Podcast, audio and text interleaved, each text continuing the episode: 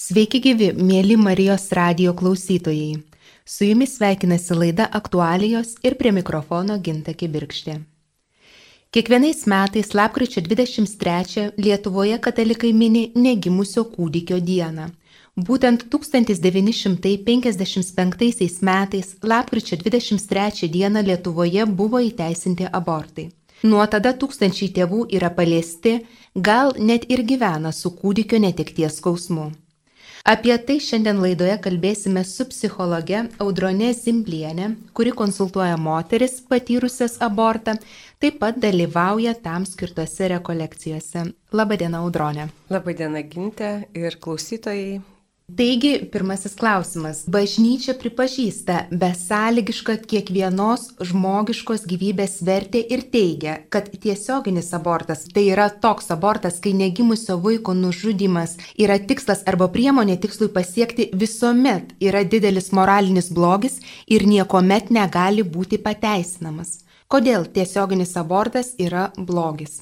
Visų pirma, iš pirmo dar aš jums pristatysiu knygą, yra labai gera knyga, uždraustas Selvartas, tai yra Teresė Biurke, kuri pagal ją mes atsivežėm rekolekcijas ir dabar rengiam Lietuvoje su moterimis patyrusiamis abortą, su jų šeimos nariais ar medicinos darbuotojais, tai vadinasi Rachelės vinoginai, tai aš pacituosiu šios knygos, čia Sutrumpinimas yra apie naujausius va tyrimus, kurie yra padaryta, kokie yra seka išgyvenimai ir kaip mūsų gyvenimo kokybė, mūsų emocinis stovis pakinta po aborto patyrimo. Tai Suomijoje abortas šešis kartus dažniau priveda prie savižudybės, Čia sutrumpinimus tai paskaitysiu. Po aborto pasireiškia savižudiškas elgesys ir įmama piknaudžiauti svaigalais, Po aborto klinikinės depresijos tikimybė 60 procentų yra didesnė. Po nepageidaujamo neštumo nutraukimo įmama labiau piknaudžiauti svaigalais. 160 procentų didesnė rizika būti hospitalizuotam psichikai gydyti. Abortas padidina paauglių protinės sveikatos problemas. Tai 30 procentų padidėja rizika patirti nerimo sutrikimus, padidėja piknaudžiavimas svaigalais ir kito neštumo metu, didesnė persileidimo per kitą neštumą tikimybė ir po aborto padidėja poreikis gydytis miego sutrikimus. Tai čia yra tyrimai, kurių paneigti yra neįmanoma, tai yra moksliniai tyrimai, atlikti medicinos e, srityje. O kalbant e, iš mano patirties kaip e, psichologo ką mes matėme Rachelės rekolekcijų metu ir ką patyrė moteris, tai vienareikšmiškai tai yra sužaloja moters psichiką, Mes žinome, kad pas mus yra tokie kaip gynybos mechanizmai, nuo kurių mes tengiamės, mūsų apsaugo nuo kažkokių trauminių prisiminimų, bet per kažkuriuos vatyvykius, va, ką parodo ir tyrimai, išlenda šito, e, šito aborto patirtis, įeina labai skaudžiai į mūsų kasdienybę, į mūsų fizinę ir psichinę sveikatą. Tai ar atsakiau į klausimą ar nelabai? Kalbant apie abortus, dažnai sakoma, kad moteris pati turi nuspręsti, kaip elgtis su savo kūnu kodėl užsimesgusi motinoje nauja gyvybė nėra laikoma žmogumi. Tarsi pamirštama, kad žmogaus gyvybė negali egzistuoti atskirai nuo žmogaus. Na, čia žinokite, jeigu žiūrėtėm žinybės perspektyvoje, tai yra piktoji dvasia ir niekas e, nesakė, kad čia yra rojus, jinai daro savo darbą ir aišku, teigia ir mums perša tokią nuomonę didelė visuomenės dalis, kad mes galim su savim daryti, ką norime ir panaikinti gyvybę, kuri užsimesgia mumise. Tai mano nuomonė yra kaip čia pavadinti, nežinau, neapsiskaitimų, bėgimų nuo savęs, nematymų tikrovės, kaip va, prieš laidą mūdvi sugintę aptariam tokį gražų pavyzdį. Tarkim, yra medis, ar ne, jisai žaliuoja, auga, jisai niekam netrukdo, jisai gražus duoda vaisių arba mus visus džiugina, tai jisai yra gyvas. Bet kada jisai yra sudžiūvęs ir negyvas, jį paima ir nupjauna. Ir tada kaip čia suprasti, kada mes sodinam medį, ar sodinam kažkokią gyvybę ir jinai auga ir duoda vaisius, tai yra gyvybė. Ir gamtoje, ir žmoguje. Ir neikti tai, kad moteris turi teisę į savo kūną, Tai tada mes turim teisę visą žmoniją į visą, ką dabar ir matome, visus kataklizmus, į visą gamtą naikinti ir pasibaigs viskas katastrofa. O iš tikrųjų teisę turi ir vaikas, kuris auga moters iššiose, nes tai jau yra gyvybė.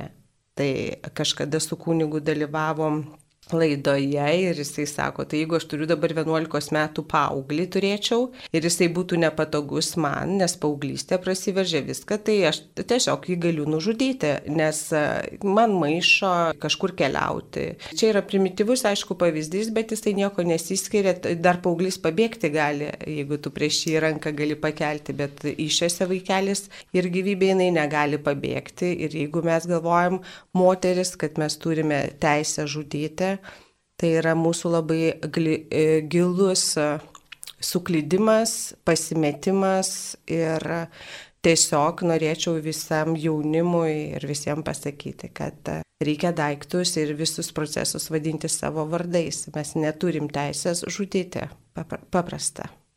Kai kalbama apie abortus, paprastai yra minima tik moteris. Iš tiesų tai yra abiejų netektis. Kodėl retai kalbama apie vyro atsakomybę? Aišku, tai yra ir vyro, ir moters graž, gražaus, kaip aš sakau, suėjimo vaisius. Ir, ir kitas sako, aš ten gal pastojau po išprievartavimo ar kažkaip, tai čia suprantu, tada tas vyras ne, nu, kažkaip jisai pasitraukė, tai buvo fizinis kažkoks smurtas, tai gal jo ir neįtraukti tenai, kad aš vad gimdysiu vaiką į šitą procesą ar, ar darysiu abortą, tai moteris vis tiek a, negalėtų daryti abortą, čia mano nuomonė, nes a, Čia labai sunkus tas klausimas, bet vyras ir moteris turi teisę po lygiai į vaikelį ir moteris be daug moterų neinformuoja vyrų, meluoja, eina pasidaryti abortus ir tada kenčia šeimos, yra skirybos, kada tiesa išaiškėja ir labai kenčia tada jau esami vaikai, kurie jau yra auginami.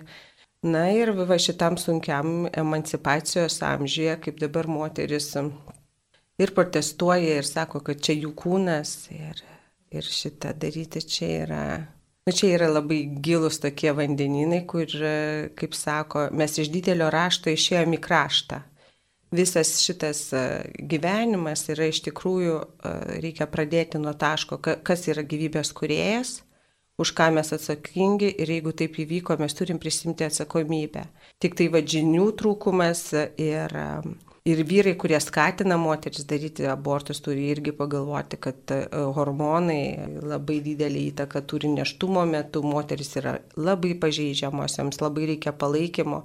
Ir vienas neatsargus pasakytas žodis, ten eik pasidaryk, man nereikalingas vaikas, abortą, tai jisai ir jisai neša labai didelę atsakomybę taip pat. Čia, čia yra jisai atsakingas už tai, kad jeigu moteris pasidaro abortą, galbūt kartais ir didesnė dalimi. Kaip padarytas abortas veikia poros tarpusavio santykius? Man teko bendrauti ir su šeimomis, kuriomis buvo padarytas abortas ir pašlyje tikrai santykiai Žmonės kreipiasi pas psichologą, nesupranta priežasties. Moteris, jeigu buvo prašoma vyro pasidaryti abortą, jinai neša didžiulę naštą, skausmą, atmetimo reakcija vyrui dažnai būna ir atmetimo reakcija tada vaikui, kuris vat, tarsi turi teisę į gyvybę, jisai, vat, aš jį auginu, o kažkokie negimusi vaikelį, kažkokį tai yra ta prasme ar mergaitė ar berniuką aš nužudžiau, nes tada nebuvo sąlygų auginti ir, ir taip toliau. Čia yra tikrai um, pažeidžiama visa šeimos kaip meilė, kaip pasitikėjimo įdylė ir dažnai baigėsi skirybomis, e, paveikia tuo, kad irgi pradeda piknaudžiauti e, dažnai alkoholių moteris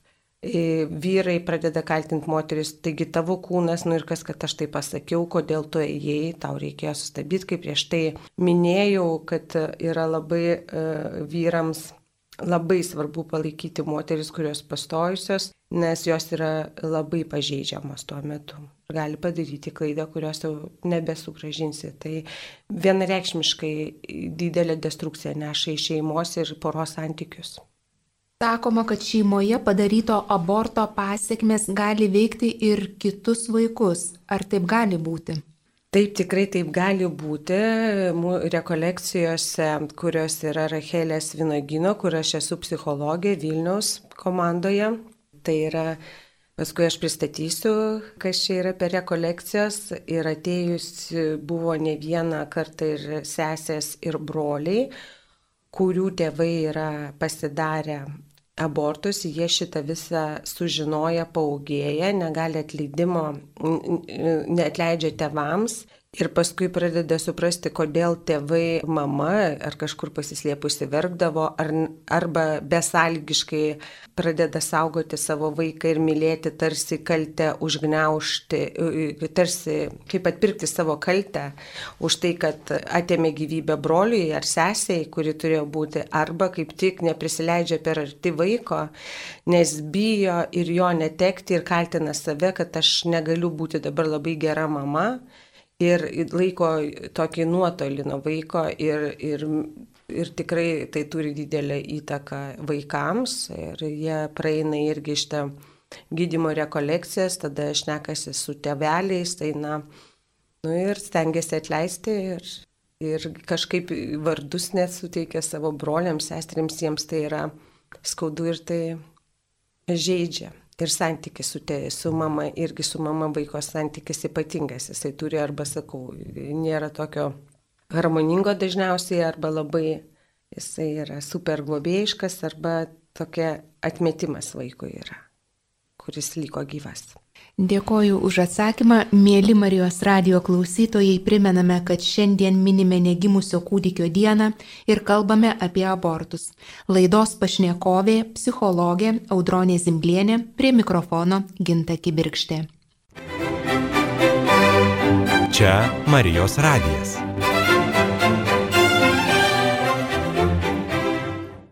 Tęsėme laidą. Lietuvoje per metus atliekama nuo 4 iki 5 tūkstančių abortų. Ar šiais laikais daugeliu šeimų, porų abortas yra tarsi vaikų planavimo būdas?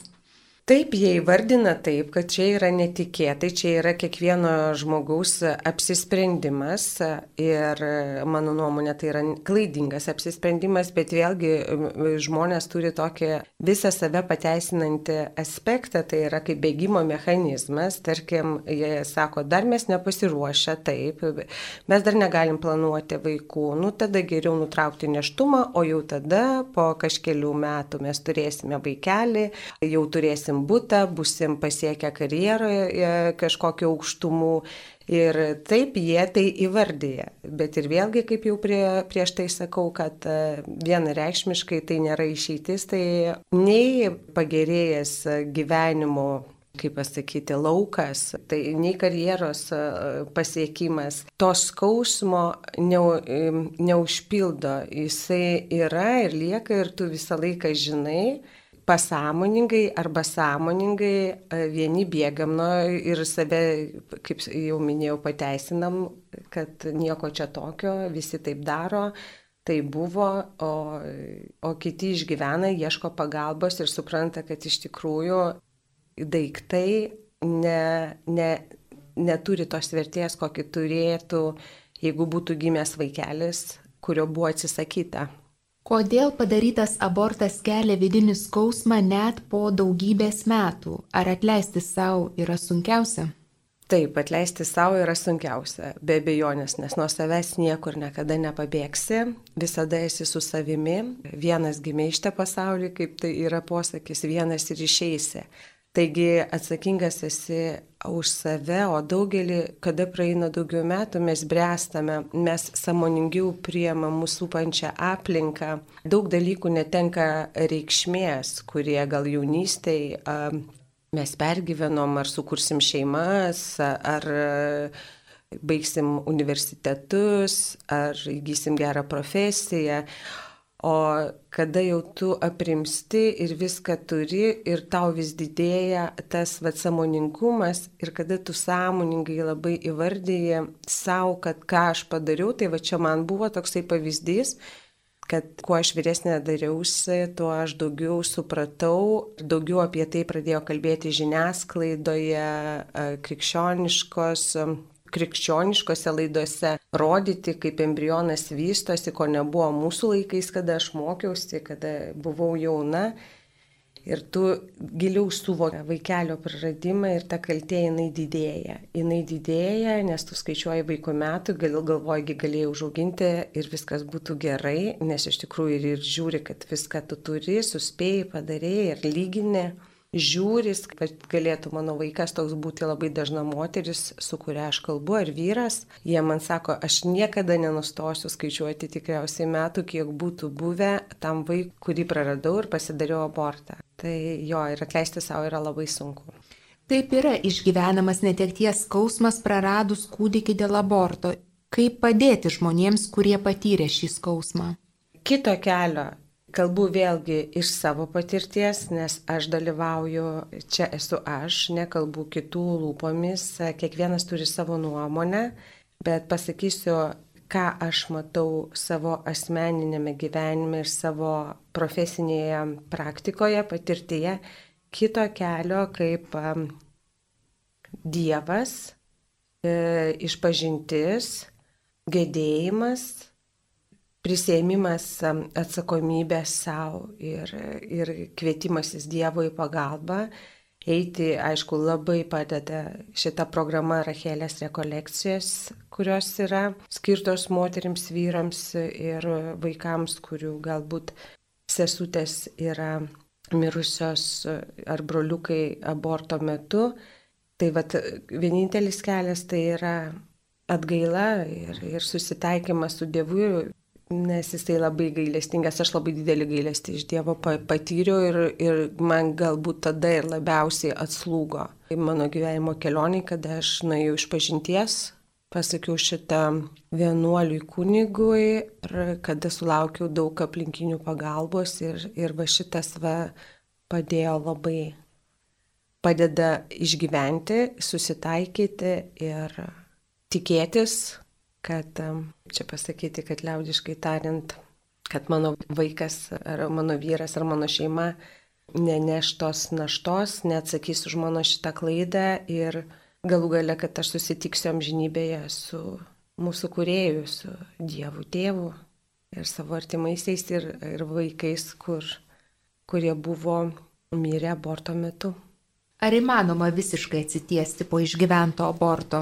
Gal yra žmonių, kurie visą gyvenimą neturi jokių sąžinės priekaištų dėl atlikto aborto? Atsitiesti įmanoma, nes neturi žmogus kur dėtis, kaip jau minėjau, atsitiesti padeda labai Jėzus, Šventoji mergelė Marija, Dievas, tikėjimas, o yra žmonių, kurie tikrai ir galvoja galbūt, kad nieko čia tokio, bet dažniausiai žmonės galvoja ir sako nieko čia tokio ir patiria savo vaikams daryti abortus. Aš žiūriu, kad tie žmonės yra patys labai sužeisti arba jie piknaudžiauja daugiau alkoholiu arba e, pasinėrė labai finansinius e, e, pasaulio malonumus, keliauja, viską čia yra vis tiek bėgimas nuo savęs jiems atrodo, kad jie atsitėse, bet psichologinė prasme, psichologinė prasme atsitiesti neįmanoma.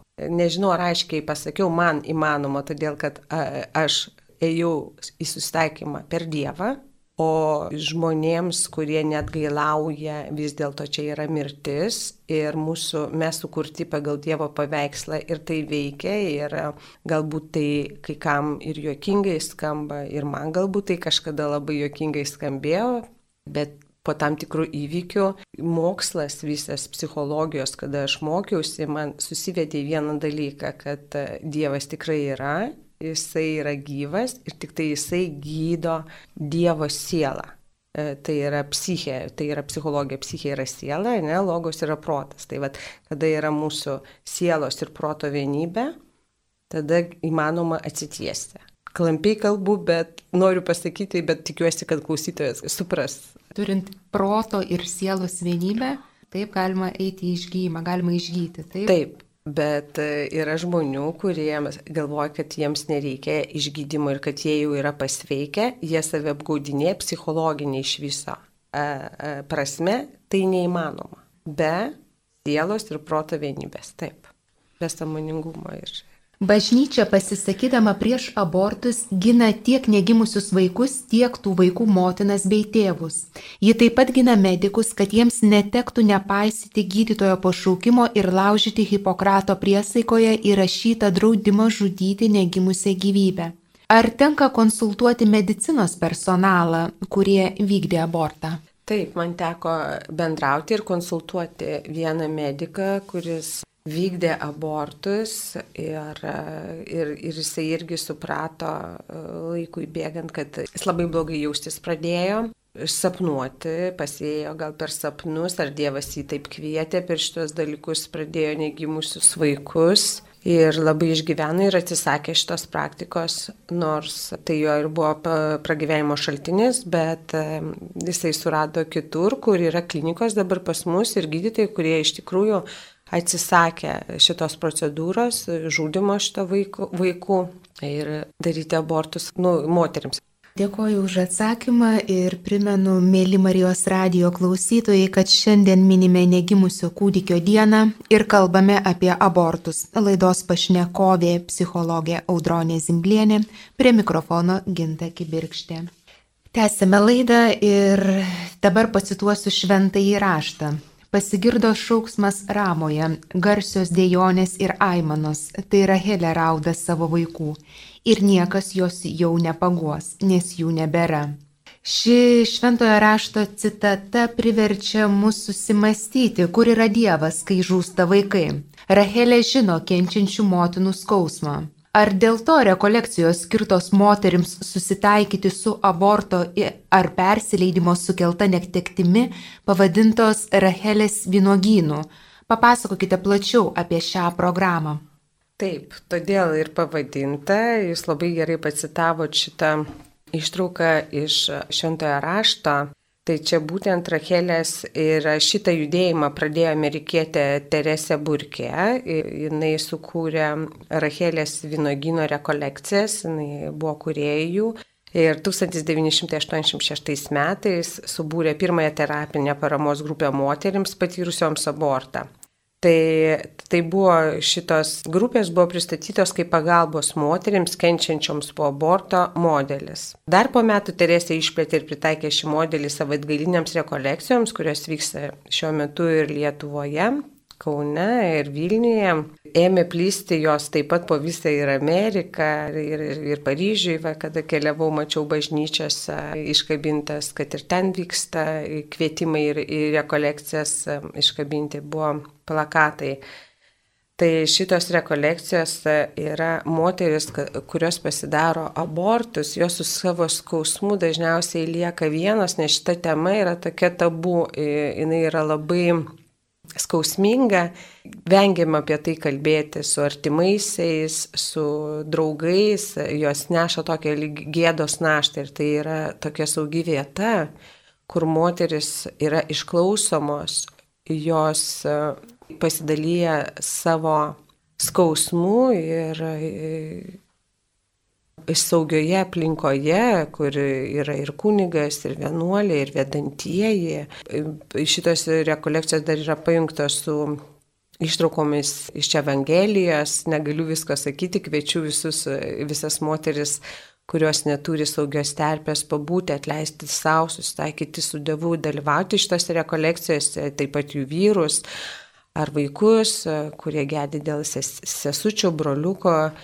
Tai vat, šitos e, rekolekcijos e, labai padeda išgyventi šitą skausmą.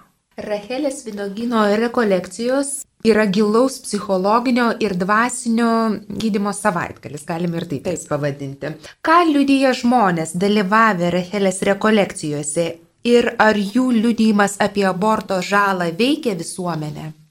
Tikrai taip, ateina žmonės, kurie išgirsta iš savo ten kaimynės, ar pusėserės, ar sesuo, jeigu, sakau, Tarybų sąjungos laikais abortai tai buvo iš viso labai paplyti, būdavo šeimuose, kad ir po 15 moteris turėjo ir po 5 ir jos išgyvena paskui labai didelį gėdos skausmą ir atmetimą, bet jos viena kitai pasako, vad buvau, išdrįsau tau pasakyti, nes labai labai pasikeitė gyvenimas po rekolekcijų, įgavo naują pagreitį, kokybę, poros susitaiko moteris, kurios yra vienišos, ką aš pastebėjau, jos atleidusios savo, jos paskui sukuria šeimas, susitinka savo antras pusės ir jeigu vaikai yra susitaiko ir pamato moterų skausmą su savo tėvais, atleidžia savo tėvams, nes mato, kaip tie žmonės išgyvena.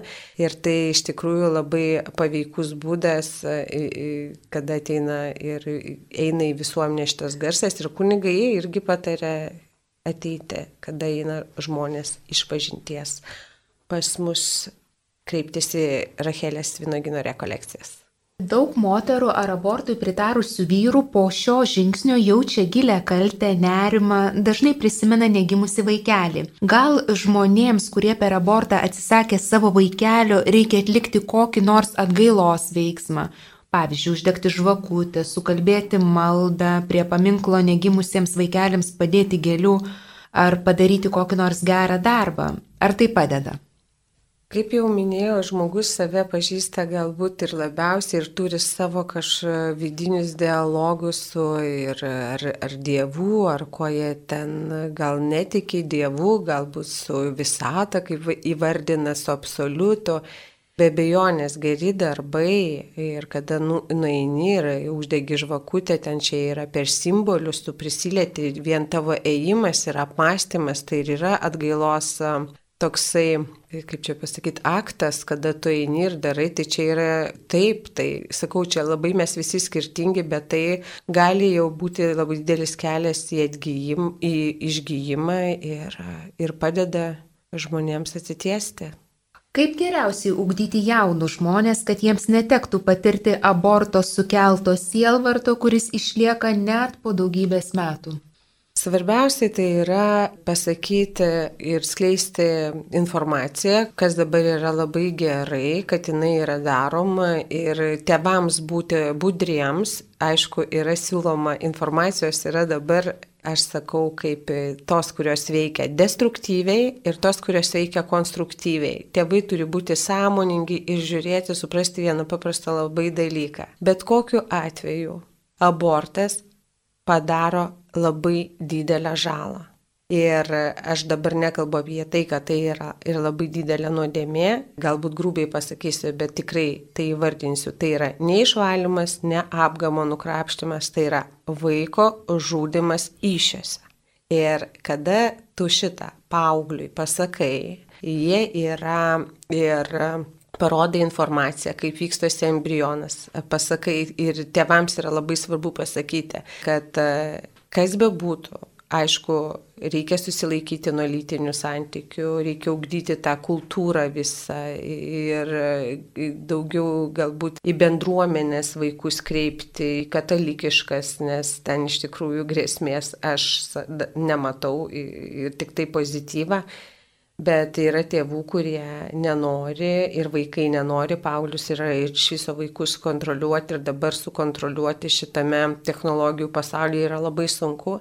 Bet svarbiausiai žodžiu pasakyti, kad aš visą laiką esu šalia tavęs ir mamai ir tėčiui, kad kas be būtų, jeigu gyvenime atsitiks kažkas, ateik, pasikalbėsim, nesidaryk. Arba kada jau šeimos susikūrė, labai sunku ateina jaunimas ir sako, aš labai noriu, sako, tikėti Dievu, noriu eiti į bažnyčią, bet jisai tiek daug visko draudžia ir, nu tikrai aš jau nesusilaikysiu nuo lytinių santykių iki vestuvių ir tik tai viskas vyks ir man jie išsipasakoja ir aš girdžiu istorijas tėvams, vienai atrodo vaikai, mums kitaip, bet vis tiek ir į jų šio laikinį tą pasaulį reikia pasakyti, bet žiūrėk, va čia yra taip, čia gali būti taip, va tu tada Jeigu tu galvoji, kad tu nesusilaikysi, nors iš tikrųjų vertėtų susilaikyti, ten mergaitė nėra kokia mėsa nupirkta parduotuvėje, tu ten nesi koksai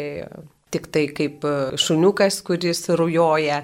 Ir va tokiais faktais. Jie paskui atsirenka, bet informacija, informacija ir dar kartą informacija tai yra svarbiausias dalykas, ką sakyti ir kad visą laiką, kad jie galėtų į mus atsiremti, parodyti, kur gali pasikalbėti, jeigu su mumis nesaugu kalbėtis, gali kalbėti su vienuoliais, su kunigais, su bendruomenės nariais, kreiptis.